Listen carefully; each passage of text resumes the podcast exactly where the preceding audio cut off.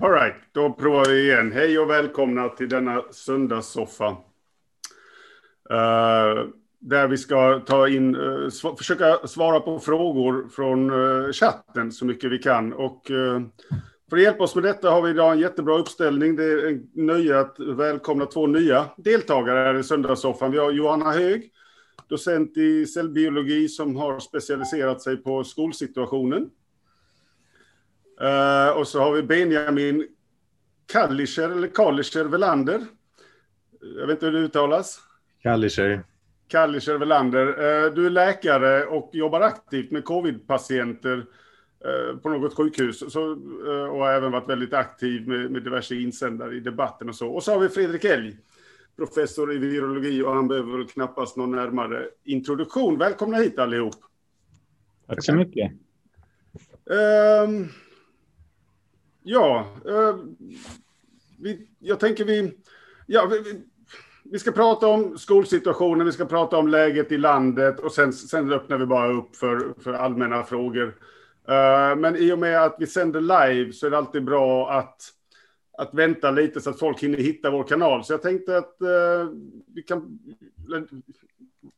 Ni som är nya kan få presentera er lite bättre. Så hej och välkommen Johanna Hög. Vem, eh, vem är du? Ja, jag heter Johanna och jag har på och forskat i heltid nu i 20 år ungefär. Ehm, jag är cellbiolog och har spenderat ungefär halva livet utanför Sverige. Jag har läst eh, i England, Tyskland och i USA innan jag flyttade hem till Sverige för ungefär fem år sedan och driver en forskningsgrupp på Göteborgs universitet i naturvetenskapliga fakulteten där. Okej, okay. yes. Mm. Och eh, Benjamin? Ja, Eh, nej, men jag är legitimerad läkare och har jobbat med internmedicin i några år. Och internmedicin är liksom ja, grunden för läkemedelsbehandling på, på sjukhus kan man säga. Så det är ett väldigt brett område.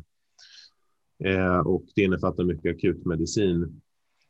Eh, så eh, corona som ju är en kombination av eh, respiratorisk svikt, andningssvikt eh, som den presenterar sig på sjukhus och eh, eh, en infektionsdiagnos är ju någonting som eh, blir en eh, internmedicinsk angelägenhet helt enkelt. Och på våra sjukhus eh, så handläggs de initialt i, i hög utsträckning av, av internmedicinare.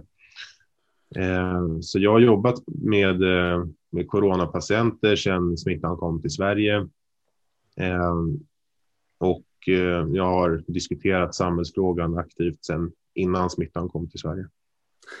Okej, okay. vilket sjukhus är det du jobbar på?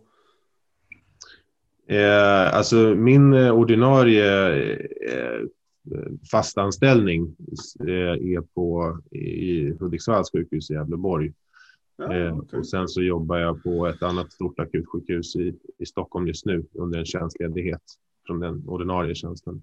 Ja, ja, du sa, men då spänner vi nästan hela det långa landet. Jag är ju nere i Skåne och, och mm. Fredrik uppe i Umeå. Ja, vi, vi, drar väl igång då med huvudtemana här innan vi går in på frågorna. är läget i landet och, och framförallt skolsituationen där det kom väldigt motstridiga budskap häromdagen. Så man har då nyligen bestämt att gymnasieskolorna ska övergå till distansundervisning och det här kom lite hastigt jag som pappa fick även ett eh, mejl från eh, Lunds kommun där det stod att det är mycket spridning i skolorna, något sånt, men man ska inte vara orolig för det är väldigt lite spridning, eh, eller barn smittar väldigt lite. Så det var ju lugnande. Och liknande besked kom från Anders Tegnell på presskonferensen häromdagen. Då säger han att ja, vi stänger skolorna nu som en försiktighetsåtgärd, men det är mest för att dämpa oro. För vi ser inte mycket smittspridning i skolan, utan det är mer när de åker buss till och från skolan de smittar. Men sen samma dag så var Anna Ekström ute och sa att ja, det här kom ju väldigt plötsligt. Vi hade fått signaler från Folkhälsomyndigheten om en eh, alarmerande smittspridning i skolorna. Jag vet inte om det var exakt, det var andemeningen i alla fall. Jag vet inte exakt hur orden föll. Och, och, senare samma dag så, så sa väl Tegnell något liknande, att ja, vi ser ju en jättestor smittspridning i skolan och därför har vi valt att göra den här åtgärden. Så, åtgärden, så, totalt motsatta narrativ inom loppet av 24 timmar och då undrar man ju som förälder, vad, vad händer egentligen? Hur, hur ser det ut i verkligheten? Och med den ingressen lämnar jag över ordet till, till Johanna. Du kanske du hade några grafer du ville visa? Ja, först och främst måste jag ju säga att det är ju ingen som vet hur det ser ut i verkligheten. I och med att de inte tar så mycket prover på barn i Sverige. Alltså under stora delar av pandemin så har ju barnen inte provtagits. Så att mm. verkligheten har ju varit eh, dold för, för oss alla. Eh, och först eh, nu i höst har det ju blivit mer provtagning på barn, men det har ju stoppat nu igen i stora delar av landet på grund av att eh, de har nått testkapaciteten och då tror jag att barn inte är lika prioriterade. Så vissa, till exempel i Blekinge, testas ingen under 16 år. Mm. Och det här gör ju att vi har dålig statistik över hela landet. Så alla siffror som vi har är ju underskattningar av vad som pågår i, i skolorna. Men det som är intressant är att nu verkar ju Folkhälsomyndigheten ha ett intresse av att ta reda på hur det ser ut i skolorna. Det här är ju tämligen nytt för att under hela våren så samlades ju inte ens några data från våra skolor. Mm. Men det här är en, en graf som visades i Expressen, jag tror det var igår. Och här tycker jag att det syns väldigt tydligt. Så om vi går igenom här på första veckan så har vi hur många utbrott sker på arbetsplatser? Då har vi ungefär 25 procent. Och sen har vi förskolor, grundskolor, gymnasier, högskola och eh, vad är det här, övriga miljöer. Så även redan här då för tre veckor sedan så har vi ju eh, ungefär, kan det bli, en 50 procent av smittspridningen som sker i skolor. Eh, och om vi då, sen så kom de ju ut och sa att eh, gymnasierna kan ju vara delvis på distans och många, faktiskt var de ju ganska sena på bollen där och många gymnasier hade ju redan gått över till distansundervisning åtminstone partiellt. Eh, mm. Och då kan vi ju se att gymnasieskolorna har ju faktiskt minskat ganska radikalt hur mycket utbrott som sker där. Men den stora boven i dramat just nu, det är ju grundskolorna. Eh, och det har ju i stort sett ignorerats i debatten. Eh, och om mm. vi lägger ihop här nu då i vecka 48, hur mycket smittspridning som sker i skolorna, så ser vi att ungefär 60 procent av utbrotten är i skolorna. Herregud. Ja, så att det, det här är ju någonting som vi inte har en aning om hur det såg ut i våras. Men min gissning är ju att det, det var någonting liknande.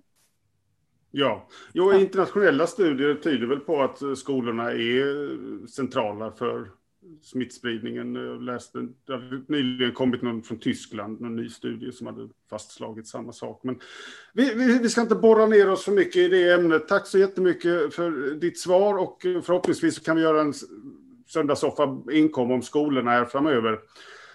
Fredrik Elg, ofta med i tv och så vidare. En kort sammanfattning, eller kort, hur ser det ut i landet? Vad är din bedömning idag? Ja, hur det ser ut i landet? Ja, det är klart att smittspridningen ökar ju. Det, det gör den. Jag kan ta och visa en kurva. Eh, och det är naturligtvis olika på olika områden, men Skåne är ju topp just nu vad jag förstår det går lite upp och ner det där, precis som Tegnell säger. Men om man tittar på det generellt som jag skulle vilja visa er här. Om jag hittar min kurva. Eh, så ser man på den här grafen, jag vet inte om ni ser min pil här, syns den? Mm. Ja, då ser ni ju det att eh, om man, här är de nordiska länderna, Finland, Norge, Danmark och sen uppe i topp här så ser vi Sverige som tävlar med USA om Eh, att ha flest diagnostiserade fall. Nu måste man komma ihåg det också att Sverige, det är nästan en lite missvisande bild till vår nackdel här, därför att vi, även om vi testar väldigt mycket i Sverige just nu jämfört med tidigare, så är vi inte alls lika duktiga som andra jämförbara länder. Så att hade vi gjort det så hade, vi, hade det nog sett ännu värre ut. Ehm, och eh, det betyder alltså att vi har en av de kraftigaste smittspridningarna i Europa, i Sverige just nu. Och jag ska ta och byta bild här så ska vi ta och titta på... Jag kan bara flika in där medan du byter bild, för det vill jag faktiskt säga redan när Johanna pratade om att det är svårt att veta. Jag har en kusin som har barn i, i, i ja, runt 10-12 årsåldern sådär och, och de var sjuka här i veckan i Stockholmsregionen och eh, då ville de testa barnen och första möjliga test möjlighet var 2 januari. Ja, men jag det, skrattar, det, det är inte roligt. Men det, det... Men det, där, det där är ju ytterligt allvarligt. Därför att den, den, den vikt, det viktigaste vi kan göra nu i, det är att smittspåra. Och vi har, det är ytterligare komplicerat därför att den värsta smittspridningen sker via så kallade superspridare. De där måste lokaliseras. Och det betyder att man måste kontaktspåra bakåt så att säga. Och det måste man göra väldigt fort för det ska vara någon, ha någon effekt. Så att om, om det tar flera veckor att få ett prov, det betyder det egentligen att det blir nog inget prov taget. Va? Det finns ju ingen mening med att ta ett prov 2 januari på någon som eventuellt är sjuk nu eller smittförande. Och då är vi ju nästan i den, i den eller vi är i samma situation som vi var när alpresenärerna hade kommit hem. Och jag, jag minns min, en, en av mina släktingar som kom tillbaka från Österrike och de hade symptom, han hans fästmö och eh, jag sa att men, lås in er i lägenheten här nu och se till att få ett test gjort och det fick man inte. Eller först så sa man att det skulle ta flera veckor och sen sa man att vi har inte kapacitet att testa det överhuvudtaget så stanna hemma bara, punkt slut. Och det där, det är bra att stanna hemma, det ska man ju göra i ännu högre utsträckning än vad vi gör när man misstänker att man varit utsatt för smittan. Men det är ytterligt allvarligt om vi inte kan kontaktspåra i tillräcklig grad. Alltså, det är, vårt, vårt främsta, våra främsta, det är ett av våra främsta vapen och eh, vi har försummat att utveckla möjligheten att smittspåra i tillräcklig utsträckning. Mm. Och det gör att vi är illa ställda och jag tänkte det passar rätt bra med den graf som jag delar nu. Nu måste jag vrida på mig lite här för den här grafen är ju, jag ska se här. Så kan vi göra. Jo, den eh, visar eh, smittspridning i en lång rad europeiska länder, alltså Sverige, Portugal, Italien, Tjeckien, Nederländerna, Polen, Danmark, eh, Tyskland, Storbritannien, Belgien, Spanien, Frankrike, Finland och Norge. Och där ligger vi i topp igen då. Att det visar inte alla europeiska länder, men i princip så ligger vi i topp. Det finns något land som kanske tangerar oss, men där är vi i alla fall. Det är samma värde som på den gamla kurvan, men det här vill visa utvecklingen nu då sen sensommaren och framåt. Och det är ett land som utmärker sig allra, allra mest, och det är Belgien. Man pratar, Tegnell pratar ju ofta om Belgien, det är så mycket smittspridning där. Det var det.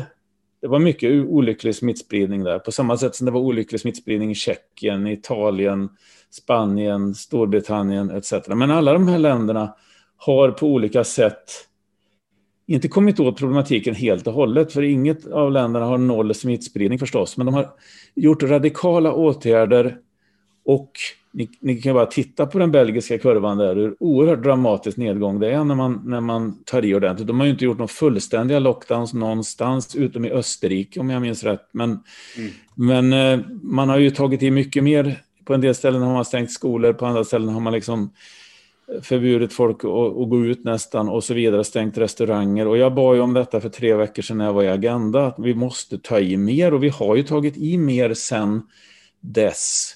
Men den svenska smittspridningskurvan går inte ner. Vi fortsätter här. Och jag tänker Benjamin att det där kommer att det kommer ju att göra att antalet patienter på sjukhusen kommer att fortsätta vara högt, även om inte Även om inte ökningen är dramatisk när man tittar, jag har ytterligare en kurva vi kan titta på sen eh, avseende den saken. Men den här kurvan i alla fall för mig oerhört pedagogisk, för den talar om att om man tar i ordentligt, sätter på hela befolkningen munskydd, stänger eller kör distansundervisning kanske i 8-9 eh, också, se till att bygga ut smittspårning om den nu går så här sent. Um, ja, ta till mer. Vi måste ta, vi måste ta in alldeles oerhört här i landet. Det måste till en kursändring när det gäller det där. Jag, jag vet ju att jag är, många snackar om att man är alarmist och eh, sådär, men, men eh, jag tycker att den här bilden den talar sitt tydliga språk och jag kan inte acceptera att Sverige ska vara så såsiga som vi är nu. Ja. Jag vet att eh, många blir väldigt sura på när man talar om att vi sköter det här väldigt dåligt, men jag, jag kan, inte, jag kan inte säga annat. Yes. Ja, eh, Tjeckien, jag har en god vän där och jag minns när deras vägg, det såg ut som att den liksom gick rakt upp i himlen, deras smittkurva där då. Och då pratade jag med honom och frågade vad de gjorde och det var liksom där munskydd, eh, restriktioner, alltså, alltså, ingen lockdown alls, men, men de hade gått in så jag sa det då att det här är liksom ett, ett live experiment på hur väl munskydd funkar. Och eh, vad de nu gjorde mer vet jag inte exakt. Va? Men det, det är fascinerande att se att kurvan faktiskt har gått ner så kraftigt som ja, den checken, har gjort. Checken är den bruna, den här kurvan här. Ja, Ni ser hur Eh, dramatiskt det går ner alltså. Och vi, ja. bara, vi såsar på här i vår lilla ökning här. Precis. Och det är ingen lockdown de har gjort eller något, det vet jag. Jag vet inte exakt vad de har gjort. Men, men munskydd eh, kom i slutet på september. Och det är ju tre, fyra veckor senare som den här kurvan vänder om. Va? Nåväl, vi lämnar eh, lägesrapporteringen där, för vi måste gå över till frågorna också. Jag tänkte bara släppa in Benjamin som inte har fått säga någonting på en lång stund där. Hur, eh, vad, vad tänker du om det Fredrik säger, eller har du någon allmän kommentar? Ja, nej, precis. Nej, men, eh, Eh, den allmänna kommentaren är att det är så otroligt viktigt att ligga steget före smittan. Och eh, de som, eh, de som lyckas bekämpa den, de verkar just ha kapaciteten att göra det. Så om man, tänk, om man till exempel funderar lite grann på okay, varför, varför misslyckas amerikanerna? Eller var, det finns ju förstås många skäl, men vad kan vara ett av de viktiga skälen till att de misslyckas med att hålla smittan nere?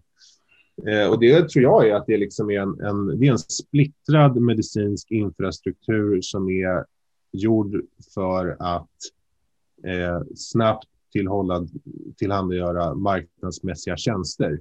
Men vad gäller kollektiva nyttigheter såsom ut, alltså generell testning, eh, gratis tillgänglig för alla, så är inte den amerikanska medicinska infrastrukturen riktigt designad för det. Eh, så de de kan ju liksom få vänta de här hysteriska tiderna, alltså någon vecka eller minst, eh, på att få ta testet och sen ytterligare på provsvar. Så att jag menar hela smittspårningen med de ledtiderna blir ju liksom, den blir ju mer symbolisk än vad den blir effektiv. Ja. Eh, och eh, ja, detsamma gäller ju liksom eh, oss i Sverige, att vi har ju, dels har vi ett problem med numera med tillgängligheten i testning och jag har förstått under den andra vågen i till exempel Region Östergötland så den tillgängligheten till allmänheten knappt funnits överhuvudtaget, vilket ju är liksom ett, ett klart underbetyg. Mm. Eh, Men, eh, ja. Ja, eh, hur, hur ser det ut på, på IVA och på akutmottagningarna nu? Är det liksom ett stabilt flöde av covid-patienter eller går det upp eller går det ner? Eh, det har ju, vi har väl upplevt en, en ökning eh, hela tiden under den här andra vågen. Sen, Mm. har vi, sen kan vi, vet jag inte eh, om ökningstakten just där jag är eh, har minskat eller eh, men det har den kanske gjort lite. Men det är, ja, det är fortfarande för tidigt att tala om ett trendbrott. Okej. Jag tänkte på det, för när Fredrik visar kurvan där så är den ju lite plattare på Sverige nu.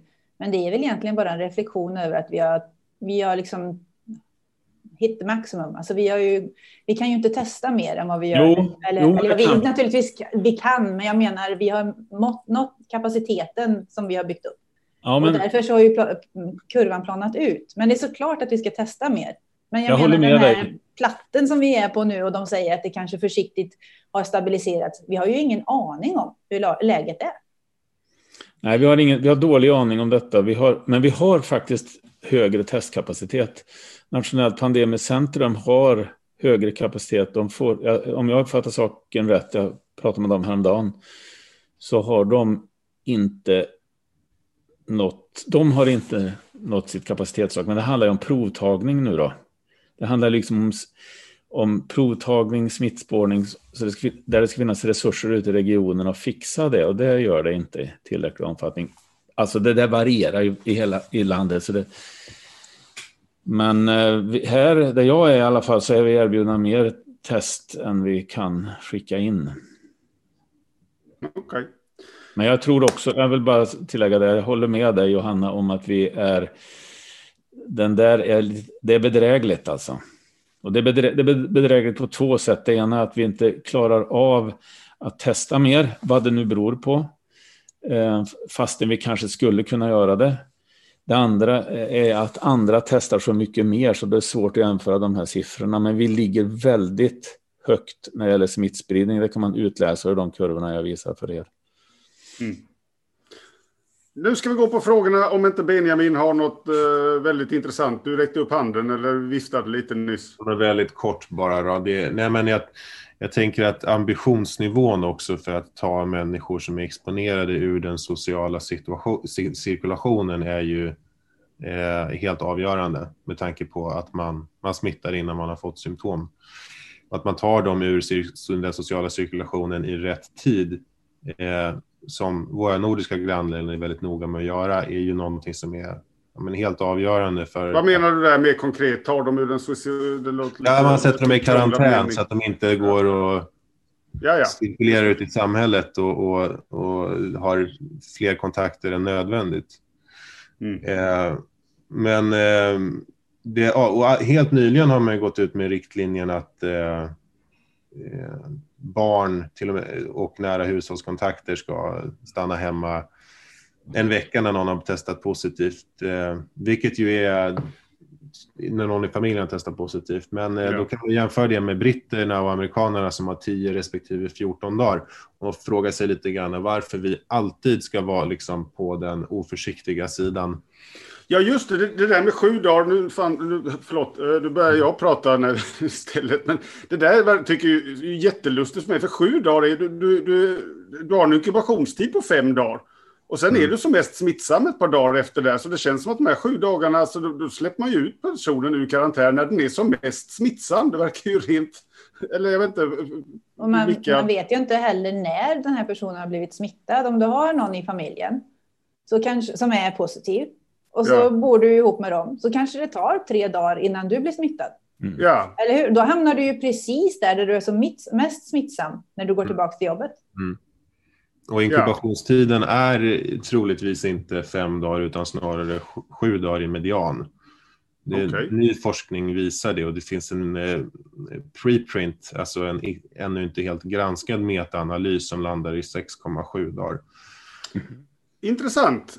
Då kör vi!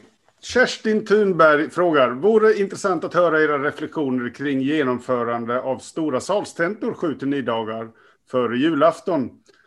Ska de studerande stanna själva på sina studieorter därefter eftersom de inte kan isolera sig inför julen? Ja, ja ni, ni, precis, det är ju en jätteintressant fråga nu. Julen är nära förestående, salstentor är en sak, men i största allmänhet, hur, hur, hur ska man tänka kring, kring julen också? Ja, men alltså det här med, ja, men det här med tentor. Det, det pågår en diskussion om saken. Jag, jag tänker väl att eh, hemtentor hade väl varit en bra idé. Det klarar man ju på många utbildningar. Jag vet ju på den utbildning där jag, där jag är lärare, bland annat eh, läkarprogrammet, så vill man ha bättre kontroll på eh, alltså, utan tillkunskaperna här. Men alltså i, det, i det här prekära läget så är väl det, jag betraktar det som självklart att man inte ska klämma ihop 70 pers i en tentasal.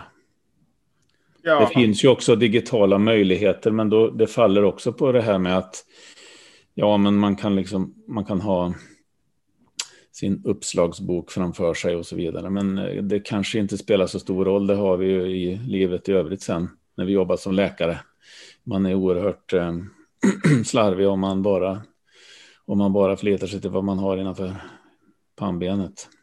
Men då, eh, då, då, kan jag sticka in en fråga från Marcus Karlsson som eh, vanlig medborgare här då, eh, på samma tema. Så givetvis har man varit i något stort event som en salstent eller så, så är det ju dumt att sen gå hem till farmor. Va? Men som i mitt fall, jag är pappa, jag har barn i skolan.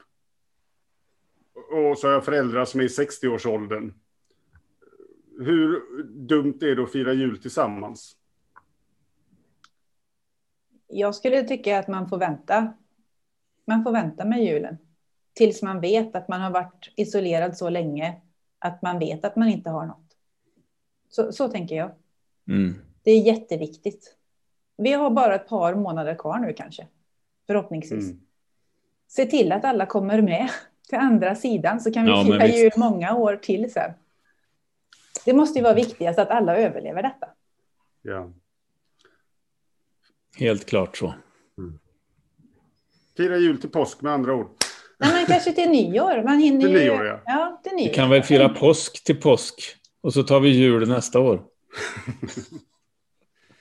yes. Uh, Vicky Lindblad här. Angående nark narkolepsi och svininfluensavaccin. Finns denna biverkan i andra länder också? Har inte läst om det någonstans. Yes, Fredrik? Ja, men det gör den. Finland till exempel. Det var första gången jag läste om det. då var jag i Finland och läste om det där i Huvudstadsbladet en morgon på en hotell frukostrestaurang. Det var första gången jag hörde talas om det. Så det gör det, det finns i andra länder också, men att det blev så tydligt i Sverige berodde på att vi vaccinerade så oerhört många. Så jag är tacksam för den här frågan, för då ska, om jag får några minuter ska jag veckla ja. ut mig lite kring jo. detta.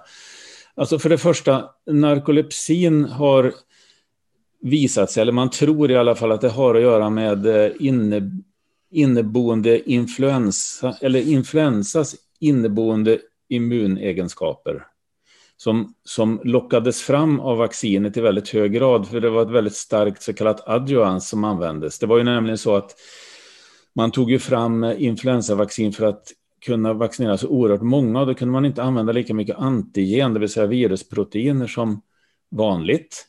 Och då var man tvungen att ta till ett starkt immunstimulerande ämne. Och det, det, gjorde man här. Och det var inget konstigt immunstimulerande ämne i och för sig. Det används i andra sammanhang. Men, men troligen så var det så att de här influensa äggviteämnenas eh, inneboende egenskaper lockade fram narkolepsin. Det finns eh, tecken på det från Kina, eller vetenskapliga data på det, som inte har med vaccination att göra, utan som har med influensainfektion att göra. Eh, att narkolepsi kan uppstå. Så narkolepsi och covid-19-vaccinet är troligen, eller med allra största sannolikhet, inte kopplade till varandra. Sen kan ju alla, all, allting som vi gör kan orsaka biverkningar, men som jag brukar säga så är det så här att den biverkan som det som det utgör att få covid-19 med risk för långtidscovid och död är så oerhört mycket större än den biverkningsrisk som man står genom att ta vaccinet. Mm. Så som det ser ut nu när vi har testat 30 000 med Moderna och 45 000 med Pfizer, eller om det var tvärtom. Så att, och det har visat sig vara väldigt lite biverkningar. Men jag, återigen, biverkningar mot mediciner och vacciner, det kommer vi aldrig ifrån. Alla människor individer och någon enstaka kommer att råka illa ut. Nu råkade 350 ungdomar väldigt illa ut och fick sina liv, inte helt förstörda, men kraftigt påverkade av eh, den här vaccinen. Och som jag både, både då och nu betraktar som en väldigt onödig åtgärd.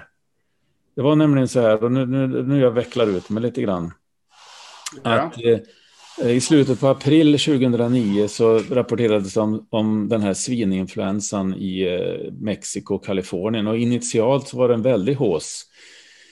Vi kommer, ja, min forskargrupp kom att skriva en, en artikel i eh, journalisternas tidning Journalisten om det där. För vi, vi höll ju då på med ett stort influensaprojekt. Vi tittade på influensor i historien. Och i slutfasen av det projektet så kom svininfluensan. Så vi bara fortsatte att läsa tidningarna som vi hade gjort om de gamla pandemierna. Och då var det bara otroligt hur man tutade i luren kring den här eh, svininfluensan och överdrev dess konsekvenser. Dessa överdrivna konsekvenser och eh, en antagligen en oro på Socialstyrelsens eh, smittskyddsenhet och på eh, Smittskyddsinstitutet gjorde att Johan Carlsson och Anders Tegnell ordnade så att det fanns två doser Pandemrix till varje svensk.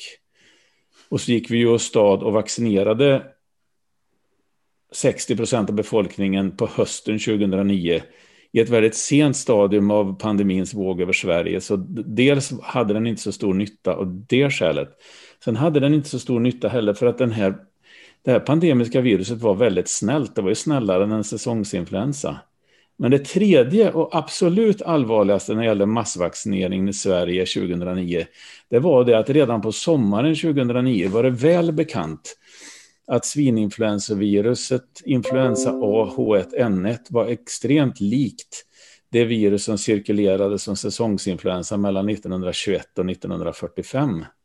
Det betydde i sin tur att den absoluta majoriteten av människor som var 64 år äldre 64 år eller äldre hade en god naturlig immunitet och därför så blev vi nästan inga sådana personer sjuka heller. Det vill säga den stora, stora riskgruppen som man hade behövt att vaccinera i trygghet var inte, var inte i någon riskgrupp. Mm. Slut. Slut, men uh, okej, okay. uh, bara för att summera då den här no no något längre utläggningen. Så en skandal skedde för tio år sedan, man vaccinerade i onödan. Och, och men det finns väldigt, det finns ingen, man, att samma sak händer igen, att liknande händer. Man ska inte tänka så kring det här nya vaccinet. Utan det... man, ska, man, ska, man ska vara helt klar över att pandem, det var en sak till med Pandemrix. Ja. Det, det, det var inte särskilt väl uttestat. Det var ungefär tusen pers som hade testat. Så det, det, kan man betrakta, det kun, kan man och kunde man betrakta som ett experimentellt vaccin. Ja, men alltså, det är alltså- många som har sagt vänta, att det här nya viruset är det också... nya, De nya vaccinerna nu som är på gång. Ja. De har testats på så många att det är precis så mycket som man hade gjort med vilket vaccin som helst som vi har infört på marknaden. Mm.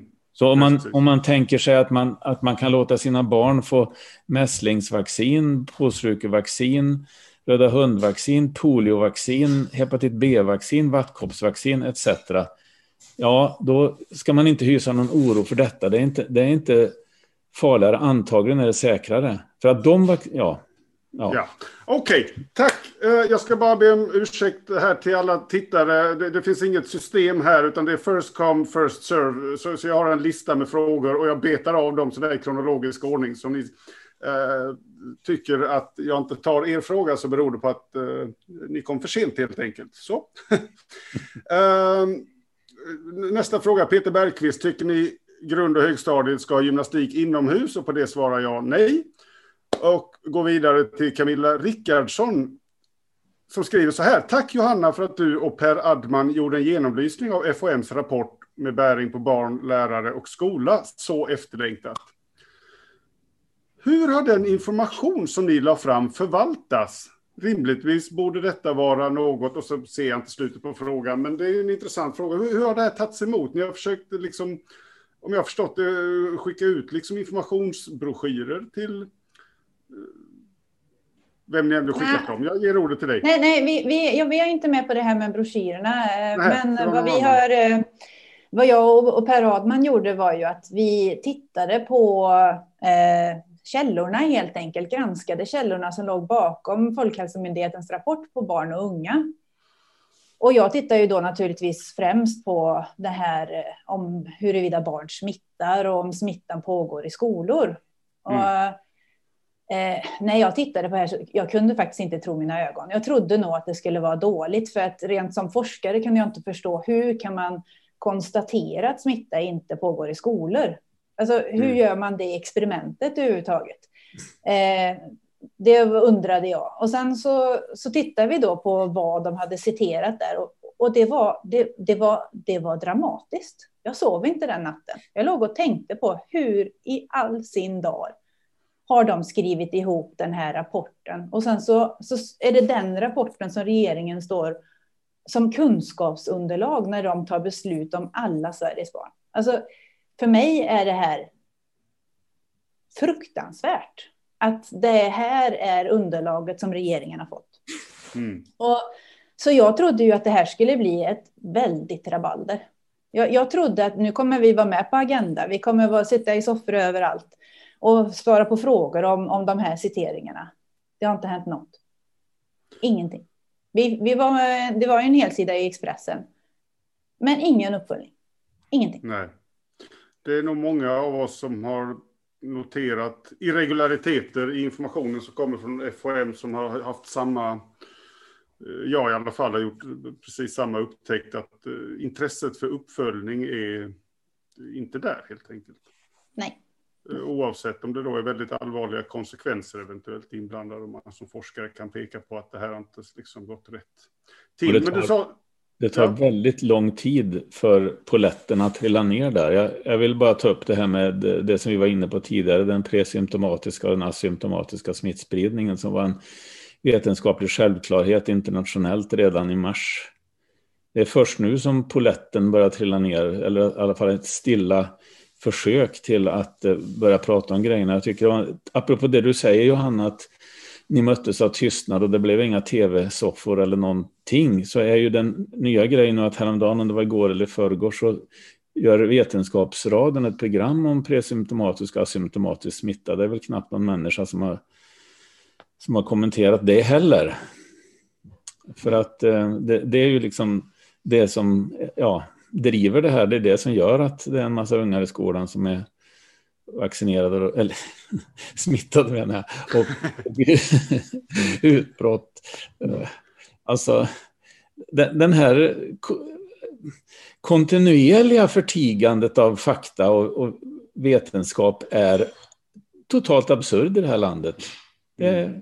tål att upprepas. Men det, och det måste till en ändring snart så att vi ser den här sanningen i vitögat och kan börja ta de verkliga måtten och stegen för att få stopp på det. Hur upplever du, Benjamin, som jobbar på ett eh, sjukhus? Eh, du har varit ute i, liksom, i media och skrivit väldigt eh, pikanta inlägg om, om det här. Hur tas det emot av, liksom, apropå tystnadskultur och, att inte ta till sig vetenskapliga rön? Vad, vad, tänker du om det, kollegor och annat? Eller, så. Har, har, du någon kommentar? Jag börjar bli känslig mark som du förstår, men jag, jag kan säga att jag inte, frågan har inte diskuterats ingenting av det jag har skrivit har, har diskuterats, eh, så vitt har jag diskuterat med några av mina kliniska kollegor. Mm. Men eh. använder man munskydd eh, till exempel på sjukhusen idag? Man...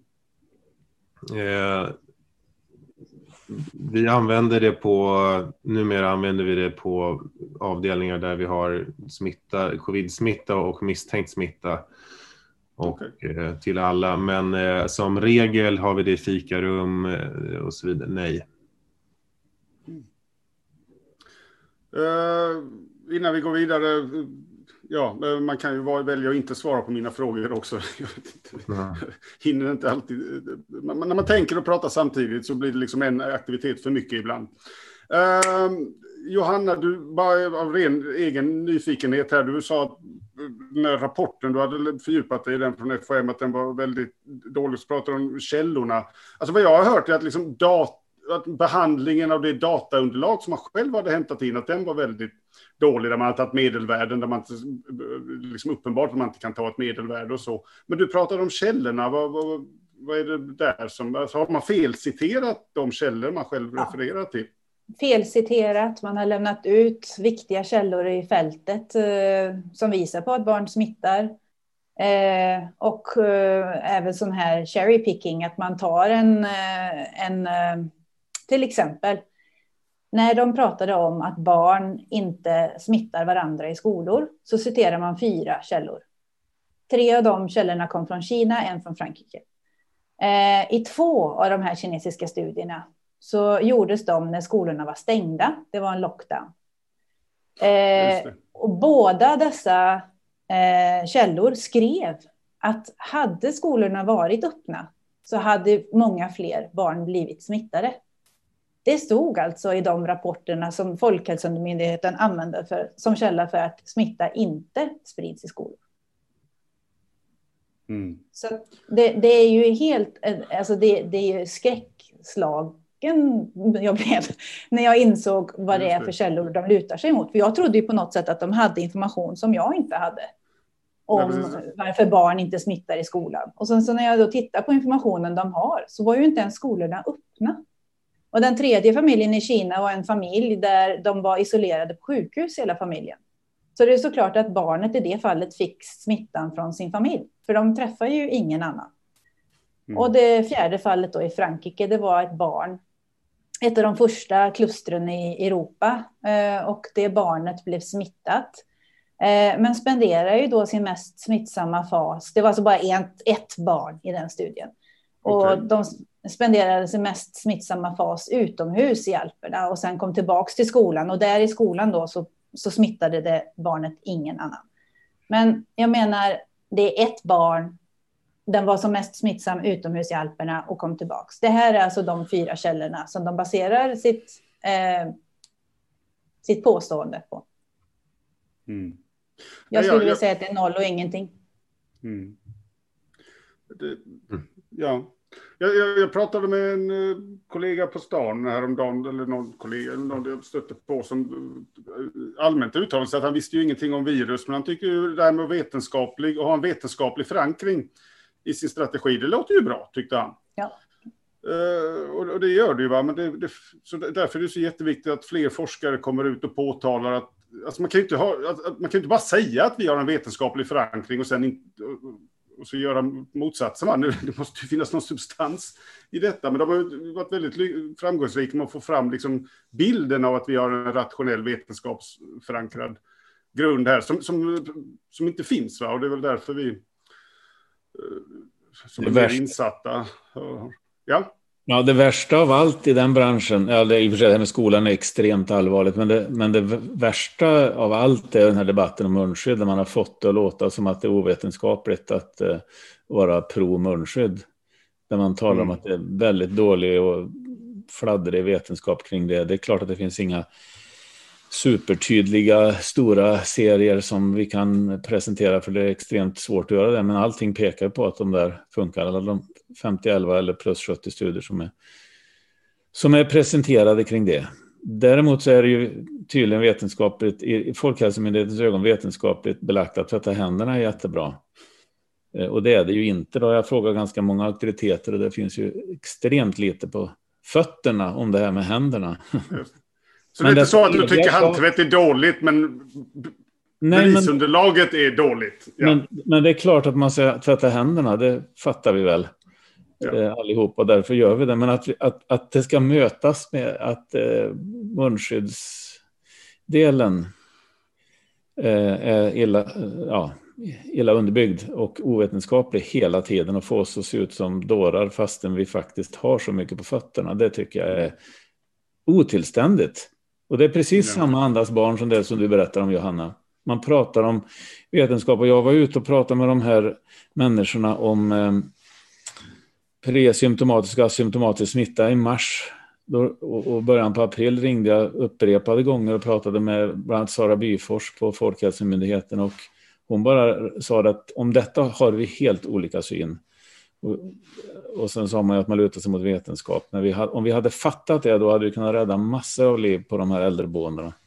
Mm. Eller vi fattat, om de hade tagit till sig det som ju faktiskt de borde ha tagit till sig. Och nu är det samma sak om smittspridningen i skolan. Jag, det ryker liksom ur öronen på mig snart om det här konstiga mm. förhållningssättet. Och nu får vi väl snart börja betrakta det som en cover-up och inte en strategi. Benjamin?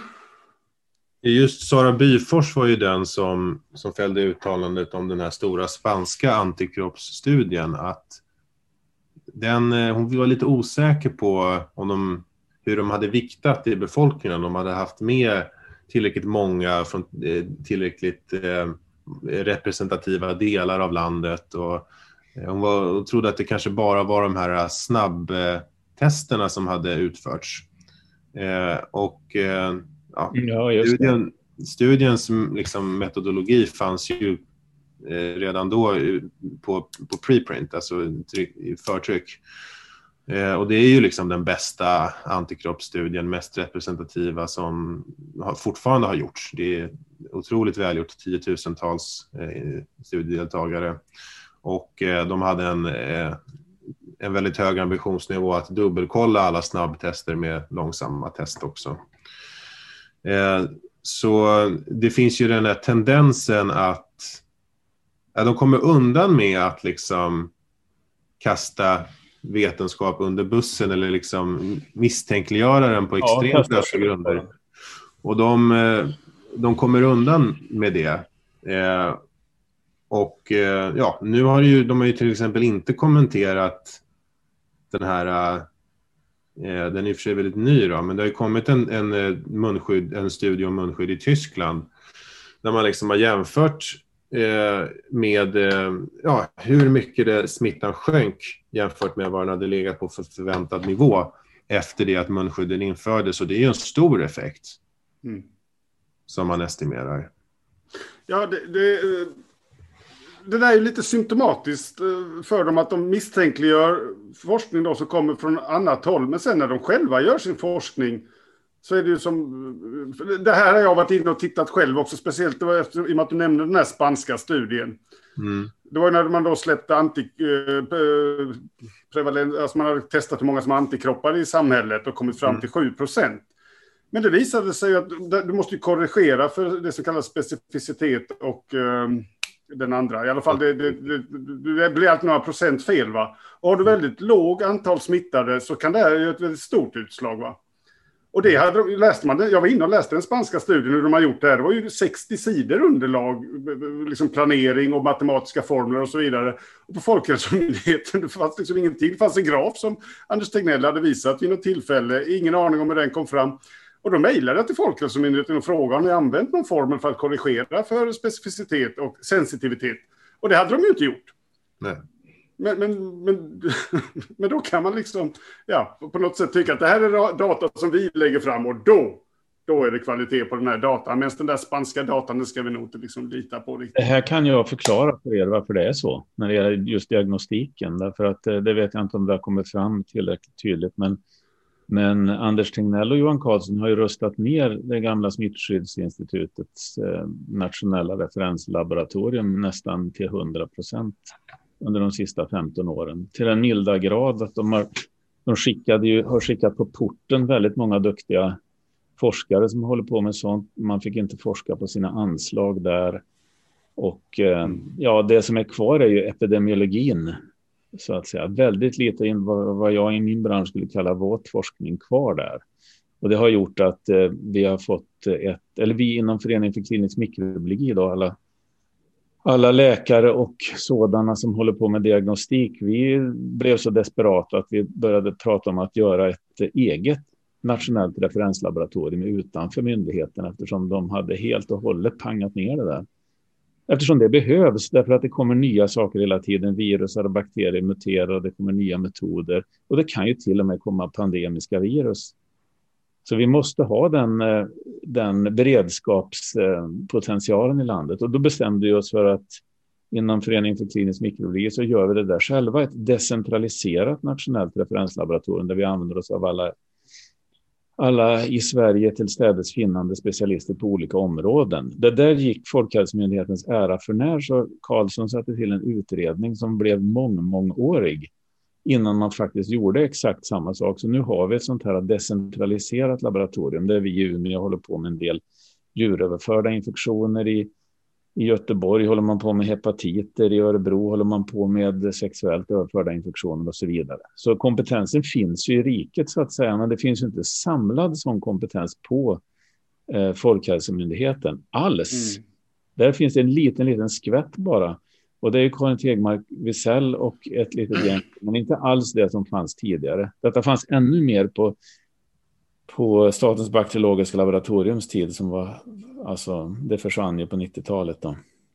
Så det finns en förhistoria bakom varför det här inte finns, varför Anders Tegnell pratade tidigt och varför de nästan omöjliggjorde en uppbyggnad av testningen. Det var för att ett, kunskapen fanns inte där. Två, det fanns en ovilja, tror jag också, att visa att man hade rumpan bar så att säga på Folkhälsomyndigheten i den här frågan. Ja, jag tycker faktiskt att man ska prata om saker och ting för vad de är och, det, och så här är det. Mm.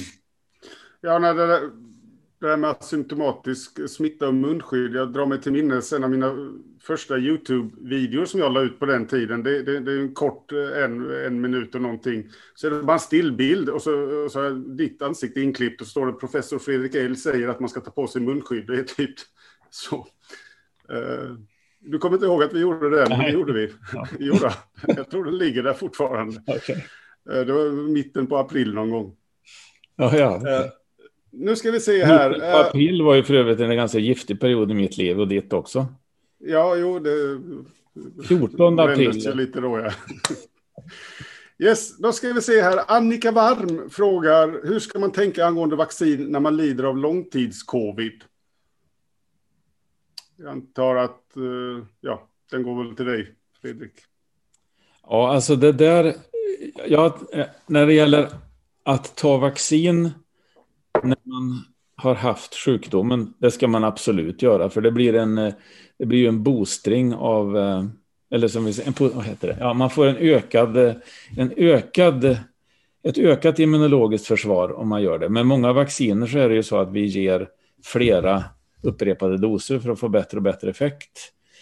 Och om man har haft infektionen lite eller mycket så är det definitivt inte skadligt att ge en sån, eh, en sån extra stimulering.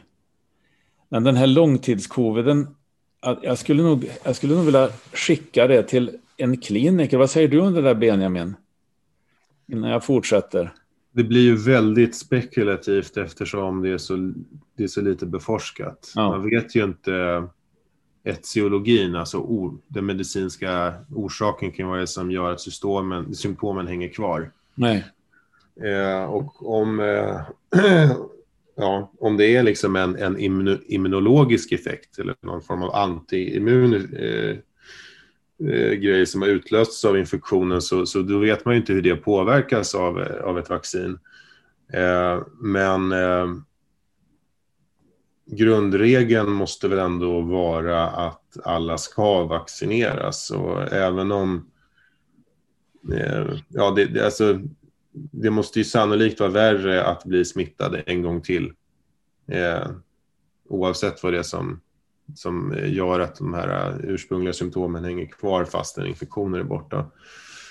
Eh, så skulle jag lite grann se, se på det. Det tycker jag var klokt. Jag tror, jag tror grundregeln ska vara att vaccinera sig oavsett. Ja, men det är väldigt många människor också som springer runt och misstänker att de har haft covid-19 och så har man inte upptäckt antikroppar och så vidare. Mm. Jag hade någon sån diskussion med någon här på Facebook häromdagen. Mm. Alltså man, man ska i att defaulten är vaccinera er oavsett om ni har haft covid-19 eller inte. Men en person som har långtidscovid ska ta det där ett varv med sin behandlande läkare. Mm. Om det är något autoimmunt i bagaget då, då ska man inte rekommendera det. Allmänt så är det väl så att man inte ska vaccinera sig om man fortfarande är sjuk. Alltså, det brukar väl man fråga som patient. Mm. Eh, är du frisk? Och sen får man ett, eh, ett vaccin. Är det inte så? Ja, det är ju om man är, om man är infekterad. Ja.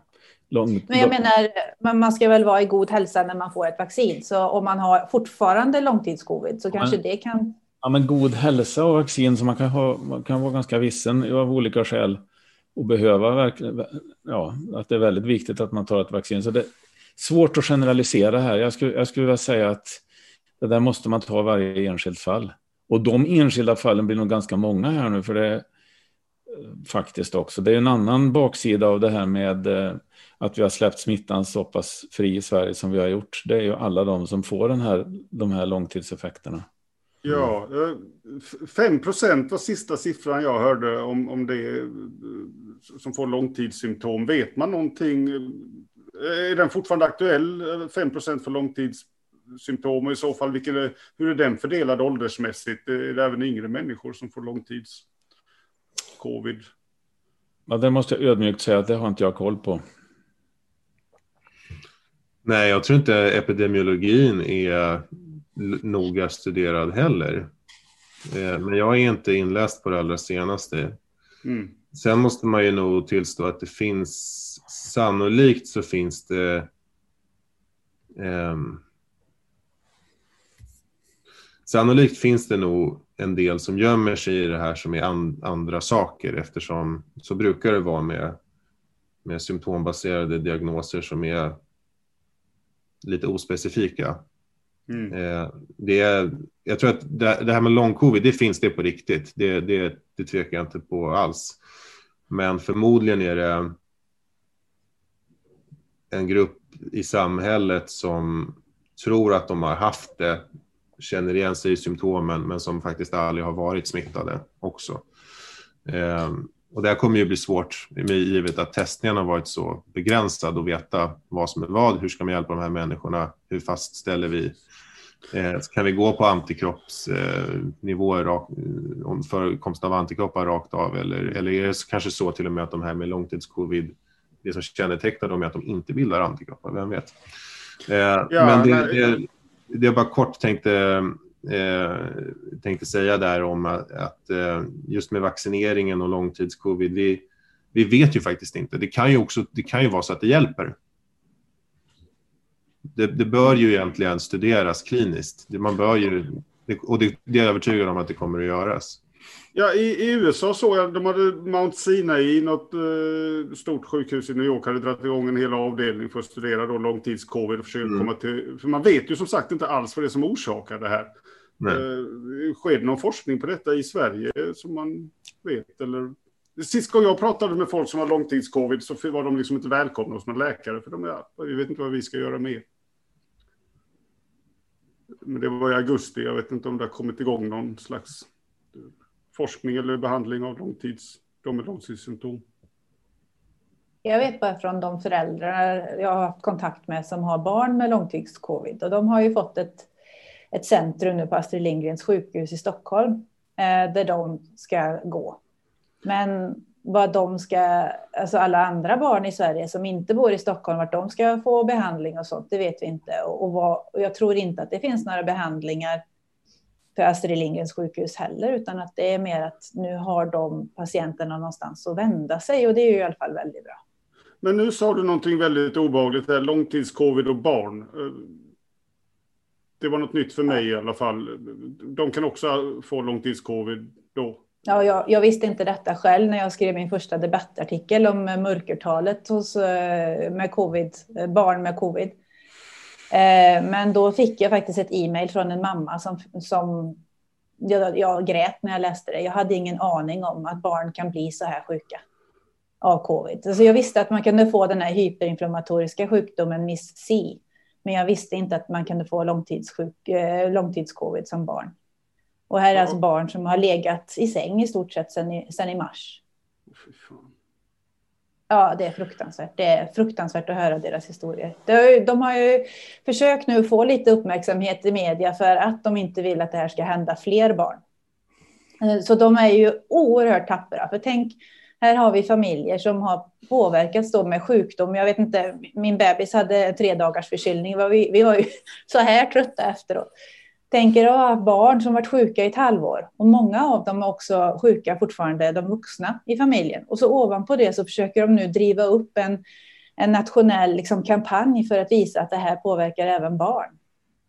Och nu har de lyckats lite grann, så de var med i Aftonbladet här i veckan. Och så. Men det är definitivt någonting som vi måste prata om mer, att även om de allra flesta barn får milda symptom så finns det de barnen som inte har samma tur. Och det är inte det att de barnen var sjuka sedan tidigare eller så, utan det är rent friska barn som nu har legat i sängen i ett halvår.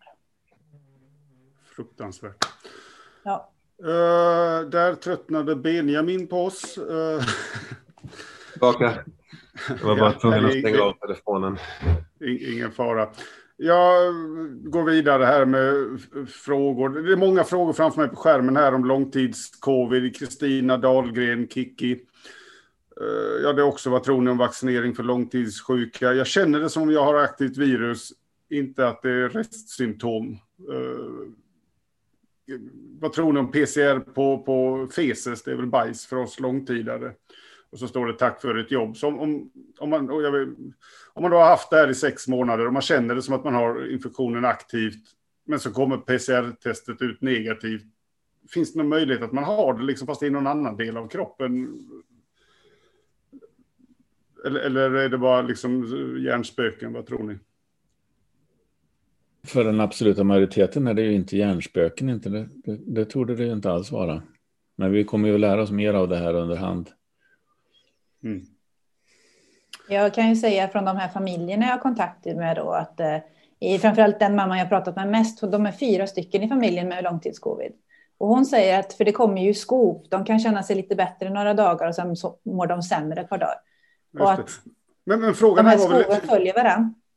Finns viruset liksom fortfarande aktivt i kroppen eller är det här liksom att viruset är borta men det är följdeffekter av att man har haft viruset som man upplever? Det, det, bagatellartad skillnad där om, om man liksom har aktivt virus eller inte. Vet man något om det? Men de testar ju väldigt ofta negativt. Ja, eh, precis. Men nu hade till exempel en av dem testat positivt igen. Och då är ju frågan, Alltså, det här måste ju forskas på. Det här måste ju forskas på något oerhört. Och det är ju det som är så konstigt att vi har först släppt loss ett virus på vår population. Och sen så ska vi forska på det. Mm. Um, ja, vi får nog säga det att det här, är, här är det väldigt mycket mörka outforskade delar som vi kommer att få ägna mycket tid åt. Mm. Om, för att inte tala om all, allt det rehabiliteringsbehov som kommer i spåren av det här. Jag, jag tror att Sverige kommer att ha, eller är övertygad om att vi kommer att ha mycket jobbiga år framöver inom vården och ta hand om alla de här.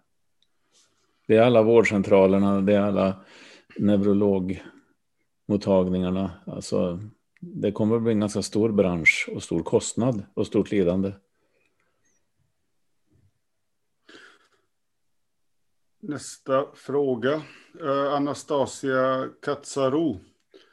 Det vore bra om ni kunde göra en genomgång av alla fyra vacciner som Sverige har avtal med, effekt, eventuella bioverkningar och så vidare. Och det här känns lite som en boll som, som, som skulle kunna... Eh, om man, eh, eh, man skulle kunna prata en halvtimme om, eh, Fredrik, men har du något kort svar på det? Är det någon stor skillnad mellan de här fyra vaccinerna som man som privatperson? Det, det är stora skillnader i hur de fungerar faktiskt. Där kan jag ju dra.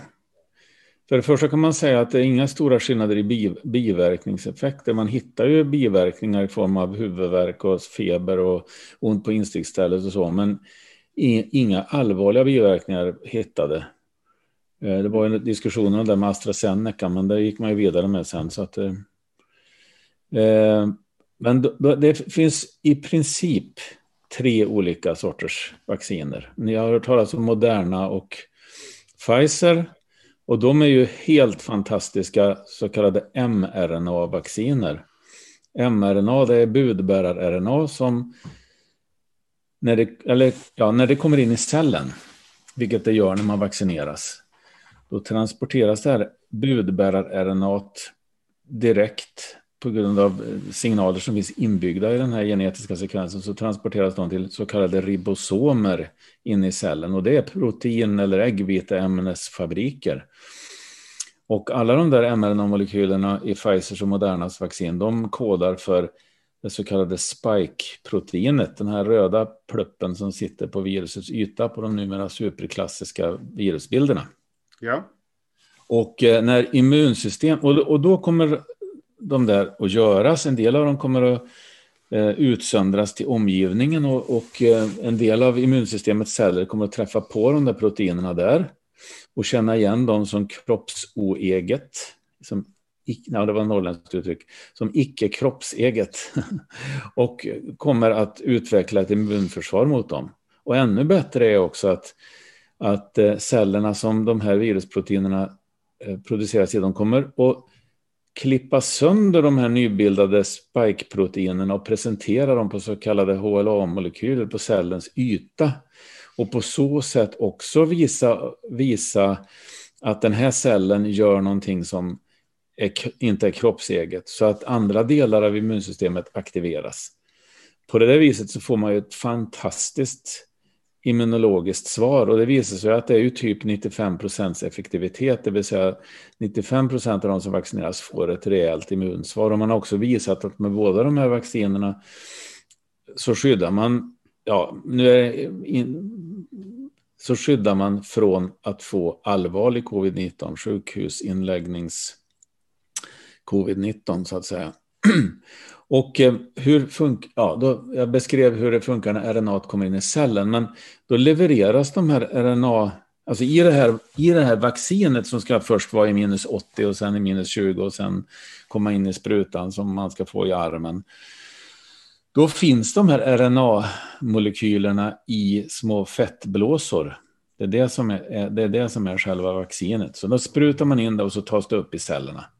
För att våra celler är också fettblåsor kan man säga. Så att egentligen är, ja, så fungerar de. Det, det är Moderna och Pfizer. Sen är det AstraZeneca-vaccinet. Och där, för det första, mRNA-vaccinet lever ju inte. Liksom. Det är bara de här eh, mRNA-molekylerna eh, som kommer in i kroppen. Däremot AstraZenecas vaccin, det är ett levande vaccin. På det viset att då har man tagit ett adenovirus. Adenovirus är en virussort som ger oss diarré och snuva och ögoninflammationer och allt möjligt i vanliga fall. Och det finns 50 sådana. Jag minns inte exakt hur många det är nu, men det finns många. Det forskas väldigt mycket på adenovirus här vid min institution i Umeå, men jag själv har inte hållit på med det. Men då, eftersom adenovirus funkar jättebra som vektor, och med vektor menas att man kan klippa upp det där adenovirusets DNA och stoppa in andra genbitar där. Och i det här fallet så stoppar man ju in genen för coronavirusets spikeprotein. Så att när det här adenoviruset kommer in i kroppen, då blir det en infektion och då blir det produktion av spikeproteinet. Då får man samma effekt som man får med det här mRNA-vaccinet faktiskt. Man får produktion av, har spikeprotein på ribosomerna och så får man eh, sån här presentation på LA-molekylerna på cellen och man får också att det utsöndras. Så att eh, man får ett jättebra immunsvar mot coronavirus med hjälp av det där. Och då är det ju så här att det finns massa humana adenovirusar. Och då, då har man valt att istället använda ett schimpans adenovirus som infekterar men inte ger några som helst symptom. Det är vaccinet som vi får från AstraZeneca. Och då kan jag, när jag pratar om adenovirusvaccin så kan jag ju faktiskt prata om Sputnik 5 också som de började vaccinera med igår. Eller hur, hur det var. I, i eh, Ryssland. Och där har de också använt sig av adenovirus.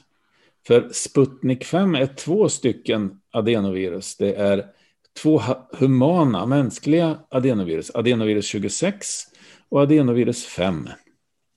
Som man då gör på samma sätt som AstraZeneca har gjort. Nämligen klipper in genen för spikeproteinet och så ger man det. Nu kommer en del ryssar ha haft adenovirus 26 och adenovirus 5 så de har, det finns en del som har immunitet mot det och det tror jag är anledningen till att man ger först en spruta adeno-26 med spikeproteingenen i och sen ger man en som nummer två en eh, ja, spikeproteinet i adenovirus 5.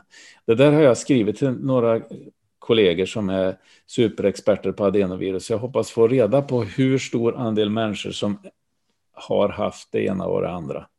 För det vet jag inte exakt. Sen har vi ja.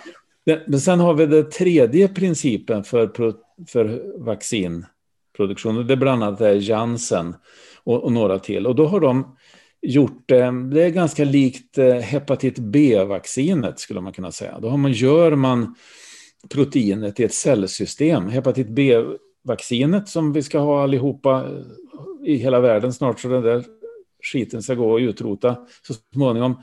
Det, det, då gör man hepatit B surface-antigen heter det. Det är också ett sånt där ytprotein som spike-proteinet. Det gör man i gästceller.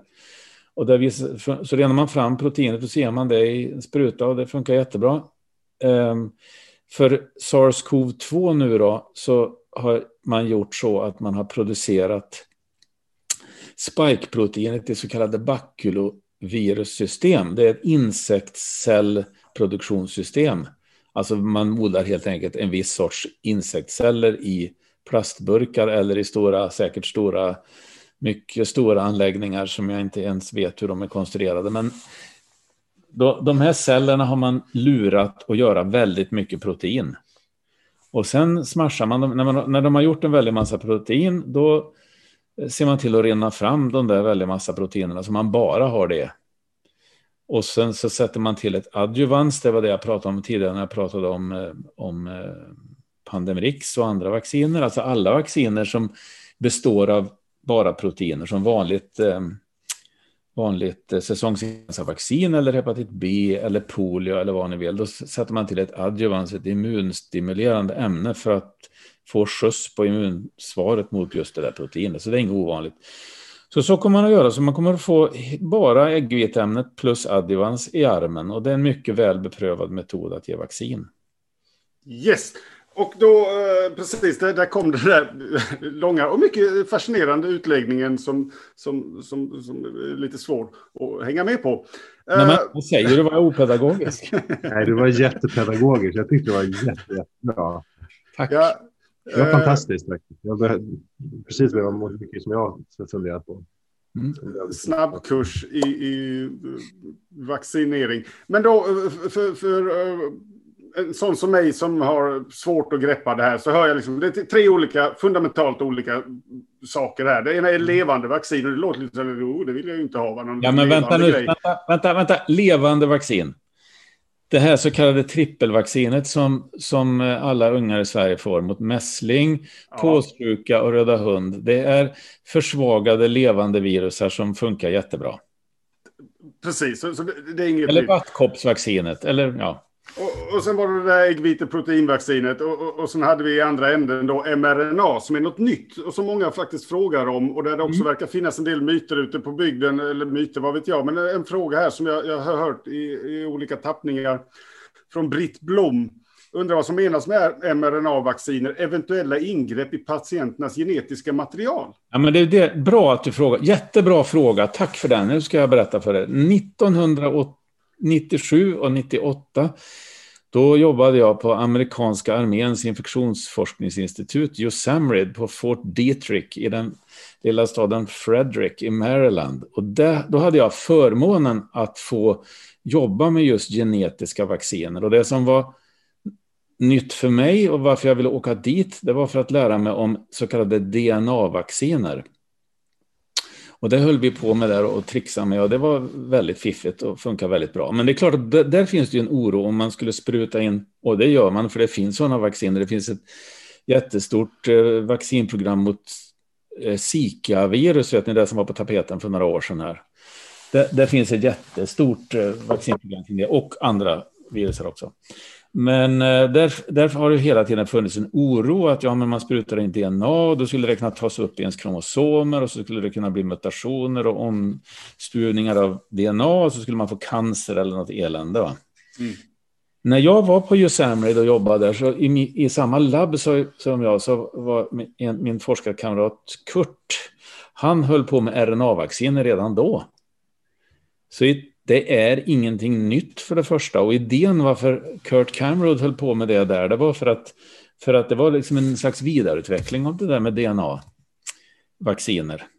Eh, med den stora fördelen att då skulle man leverera RNA in i cellerna och slippa gå den krångliga vägen över cellens kärna. För att om man sprutar in DNA, då måste det DNA transporteras till cellkärnan och så måste det göras mRNA där och så måste den komma ut i cytoplasman och så. Om man kan hitta ett sätt att leverera bara RNA, då slipper man hela det där oron med inkorp alltså att DNA skulle sätta sig i arvsmassan på något sätt. För det finns inga mekanismer i våra celler att göra om RNA till DNA. Mm. Då säger vän av ordning att ja, men det har jag hört talas om. Det finns något som heter retrovirus, eller hur? va? HIV och sånt. Där finns den mekanismen, men då skulle man i så fall... Det är där. Det är inte i den normala cellen. Man kan inte göra om RNA till DNA, utan den, den klassiska vägen är DNA blir RNA blir protein. Och det är det vi använder oss av nu. Så eh, alltså den faran att det här skulle vara något mutationsbefrämjande, eh, så den, är, den finns inte. Det här är, jag skulle, och så skulle jag också vilja tillägga att det är in, man, kan ju tänk, man har ju inte hört talas om det här liksom med RNA-vacciner. Eh, det har ju inte varit ute på marknaden så, men det, det finns jättemånga vacciner alltså i pipeline som tidigare och mot det fantastiska med det här sars CoV-2 nu som vi nu får från RNA-vacciner från Moderna och Pfizer, det är det att de har ju gjort det redan mot sars nummer ett. Det är därför det har gått så himla fort. Mm.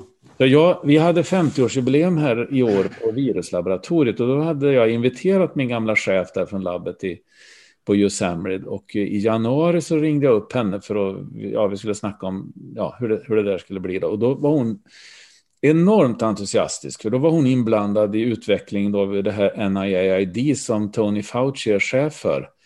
På just RNA-vaccin mot SARS-CoV-2, det här nya eh, viruset som man hade, ja, det nya kinesiska viruset uttryckte hon det nog väl som. Och det är precis det som är moderna vaccinet. Så de var igång redan i januari när de, när de, de var på tårna, om man nu ska jämföra med att vara på tårna det kan jag ju inte tycka att vi har varit något vidare här i landet, men, men där var man på tårna när det gällde vaccin redan så fort man hade hört talas om det. Alltså. Mm. Och det ska vi vara enormt tacksamma över. Både alla de här bolagen som faktiskt har jobbat något grymt. Alltså det finns ju andra krafter också. Vet, Bill Gates har ju byggt ett antal fabriker för, för, runt olika vaccinidéer. Eh, I, trots vetskap om att många av dem kommer aldrig bli något. Men att de gör både forskning och produktion parallellt liksom, för att eh, vi ska kunna få de här grejerna i tid. Det är helt Vilket fantastiskt. Då? Ja, Benjamin då. Ja, men fortsätt du om du ställer din fråga om du vill.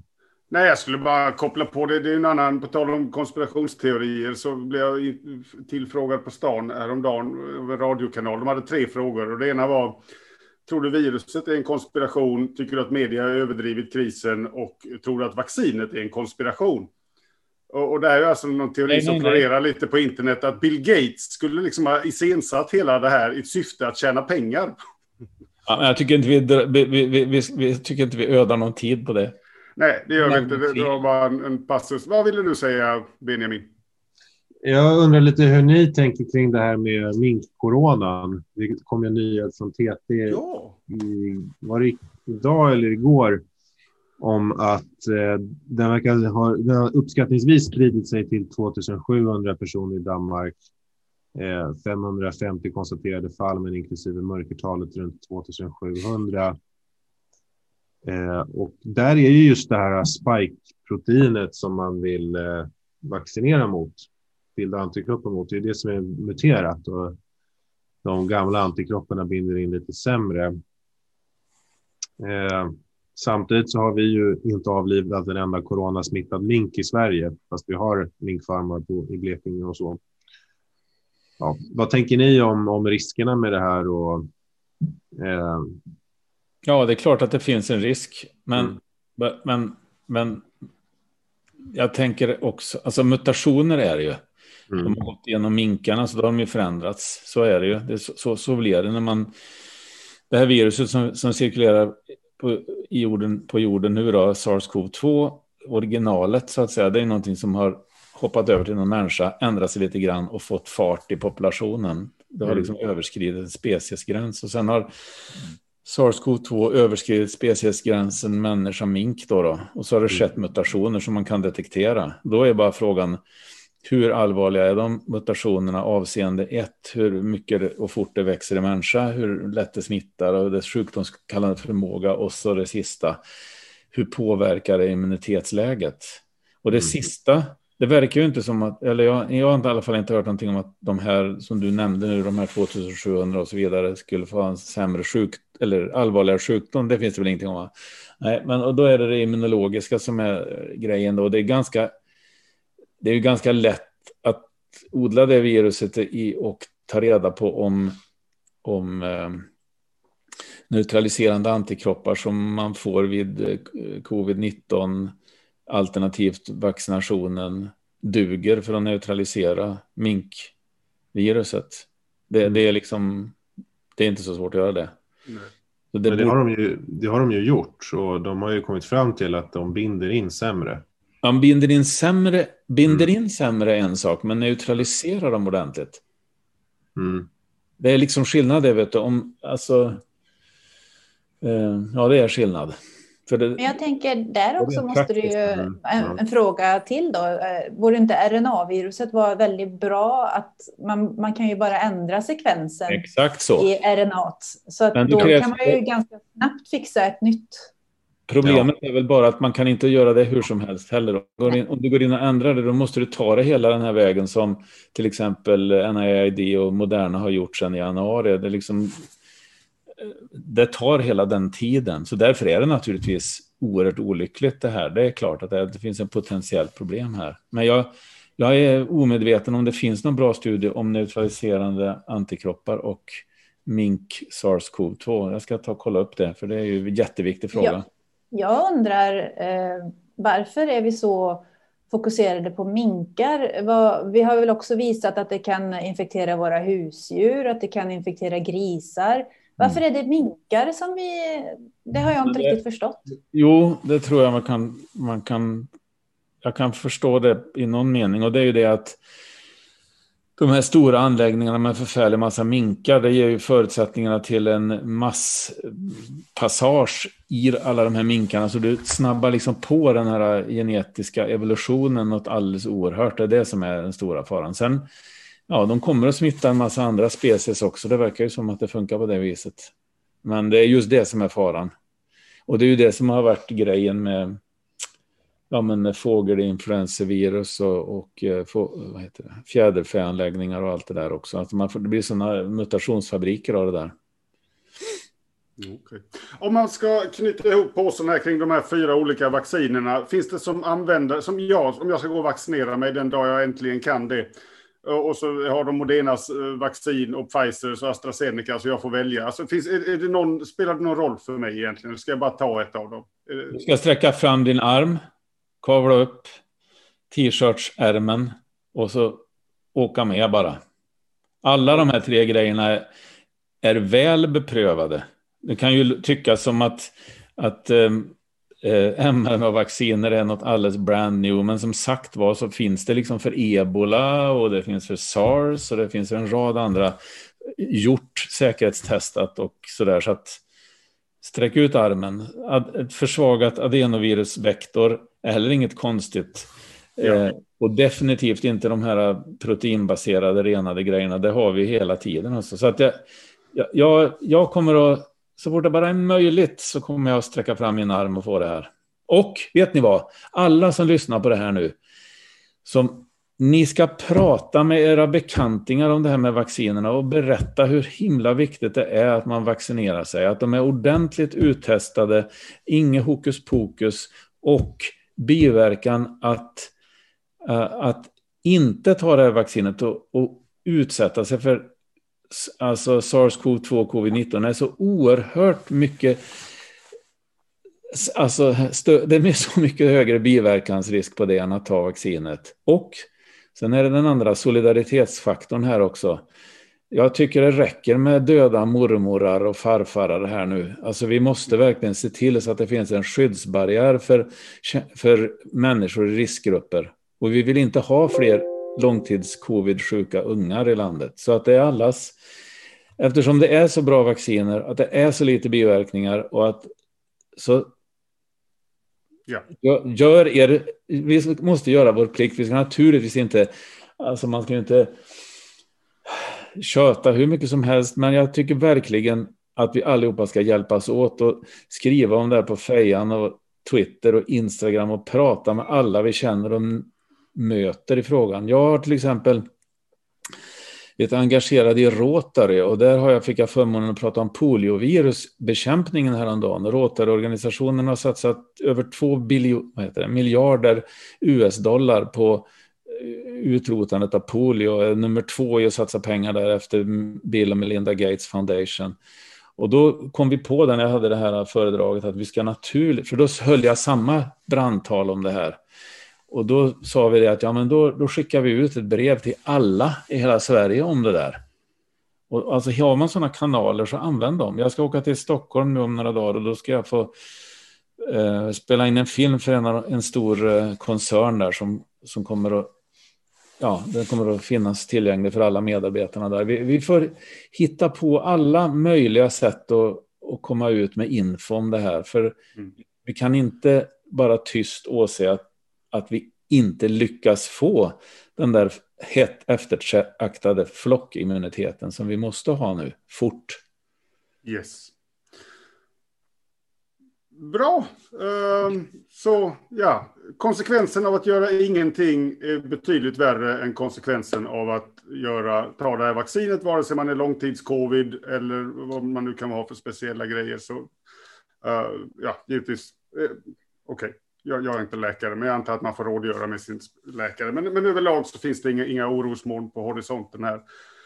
Det är så jag tolkar det. Jo, det finns ett. Det finns ju ett det är att inte tillräckligt många vaccinerar sig. Det är det stora orosmolnet alltså. Mm. Och att det inte går tillräckligt fort.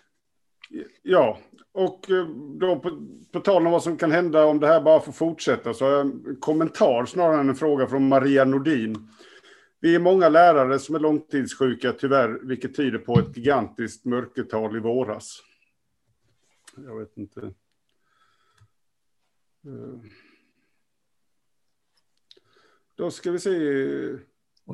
Kerstin Friberg skriver jag vägrar vaccin. Jaha.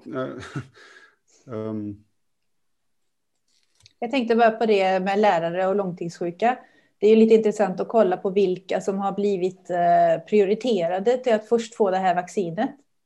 Och eh, hur man ser på läraryrket och läkaryrket. Och här i Sverige ska vi ju börja med eh, de äldre och det låter ju väldigt bra. Men, men i andra länder till exempel så är ju lärare en grupp som ska vaccineras först. Jag bara nämner det här att det kanske kanske är någonting som vi i Sverige också ska tänka på eftersom vi tycker att det är väldigt viktigt att ha skolorna öppna. Det kan väl vara bra då att de som måste jobba i skolorna och vara utsatta för viruset ska vara en av de första att få vaccin. Men eh, rapporten om skola och barn kom ju fram till att det inte var ökad risk för lärare att få viruset. Får jag gå in på det? Ja, det får du om du vill. Varsågod. Ja, eh, han Per Adman som jag jobbade med på den här eh, artikeln tillsammans då i, eh, i veckan. Vi, eh, han har ju skrivit om detta och, och, och, en av sakerna som Folkhälsomyndigheten gjorde det var ju att de, de skulle kolla på vilka yrkesgrupper som var mest påverkade av covid-19.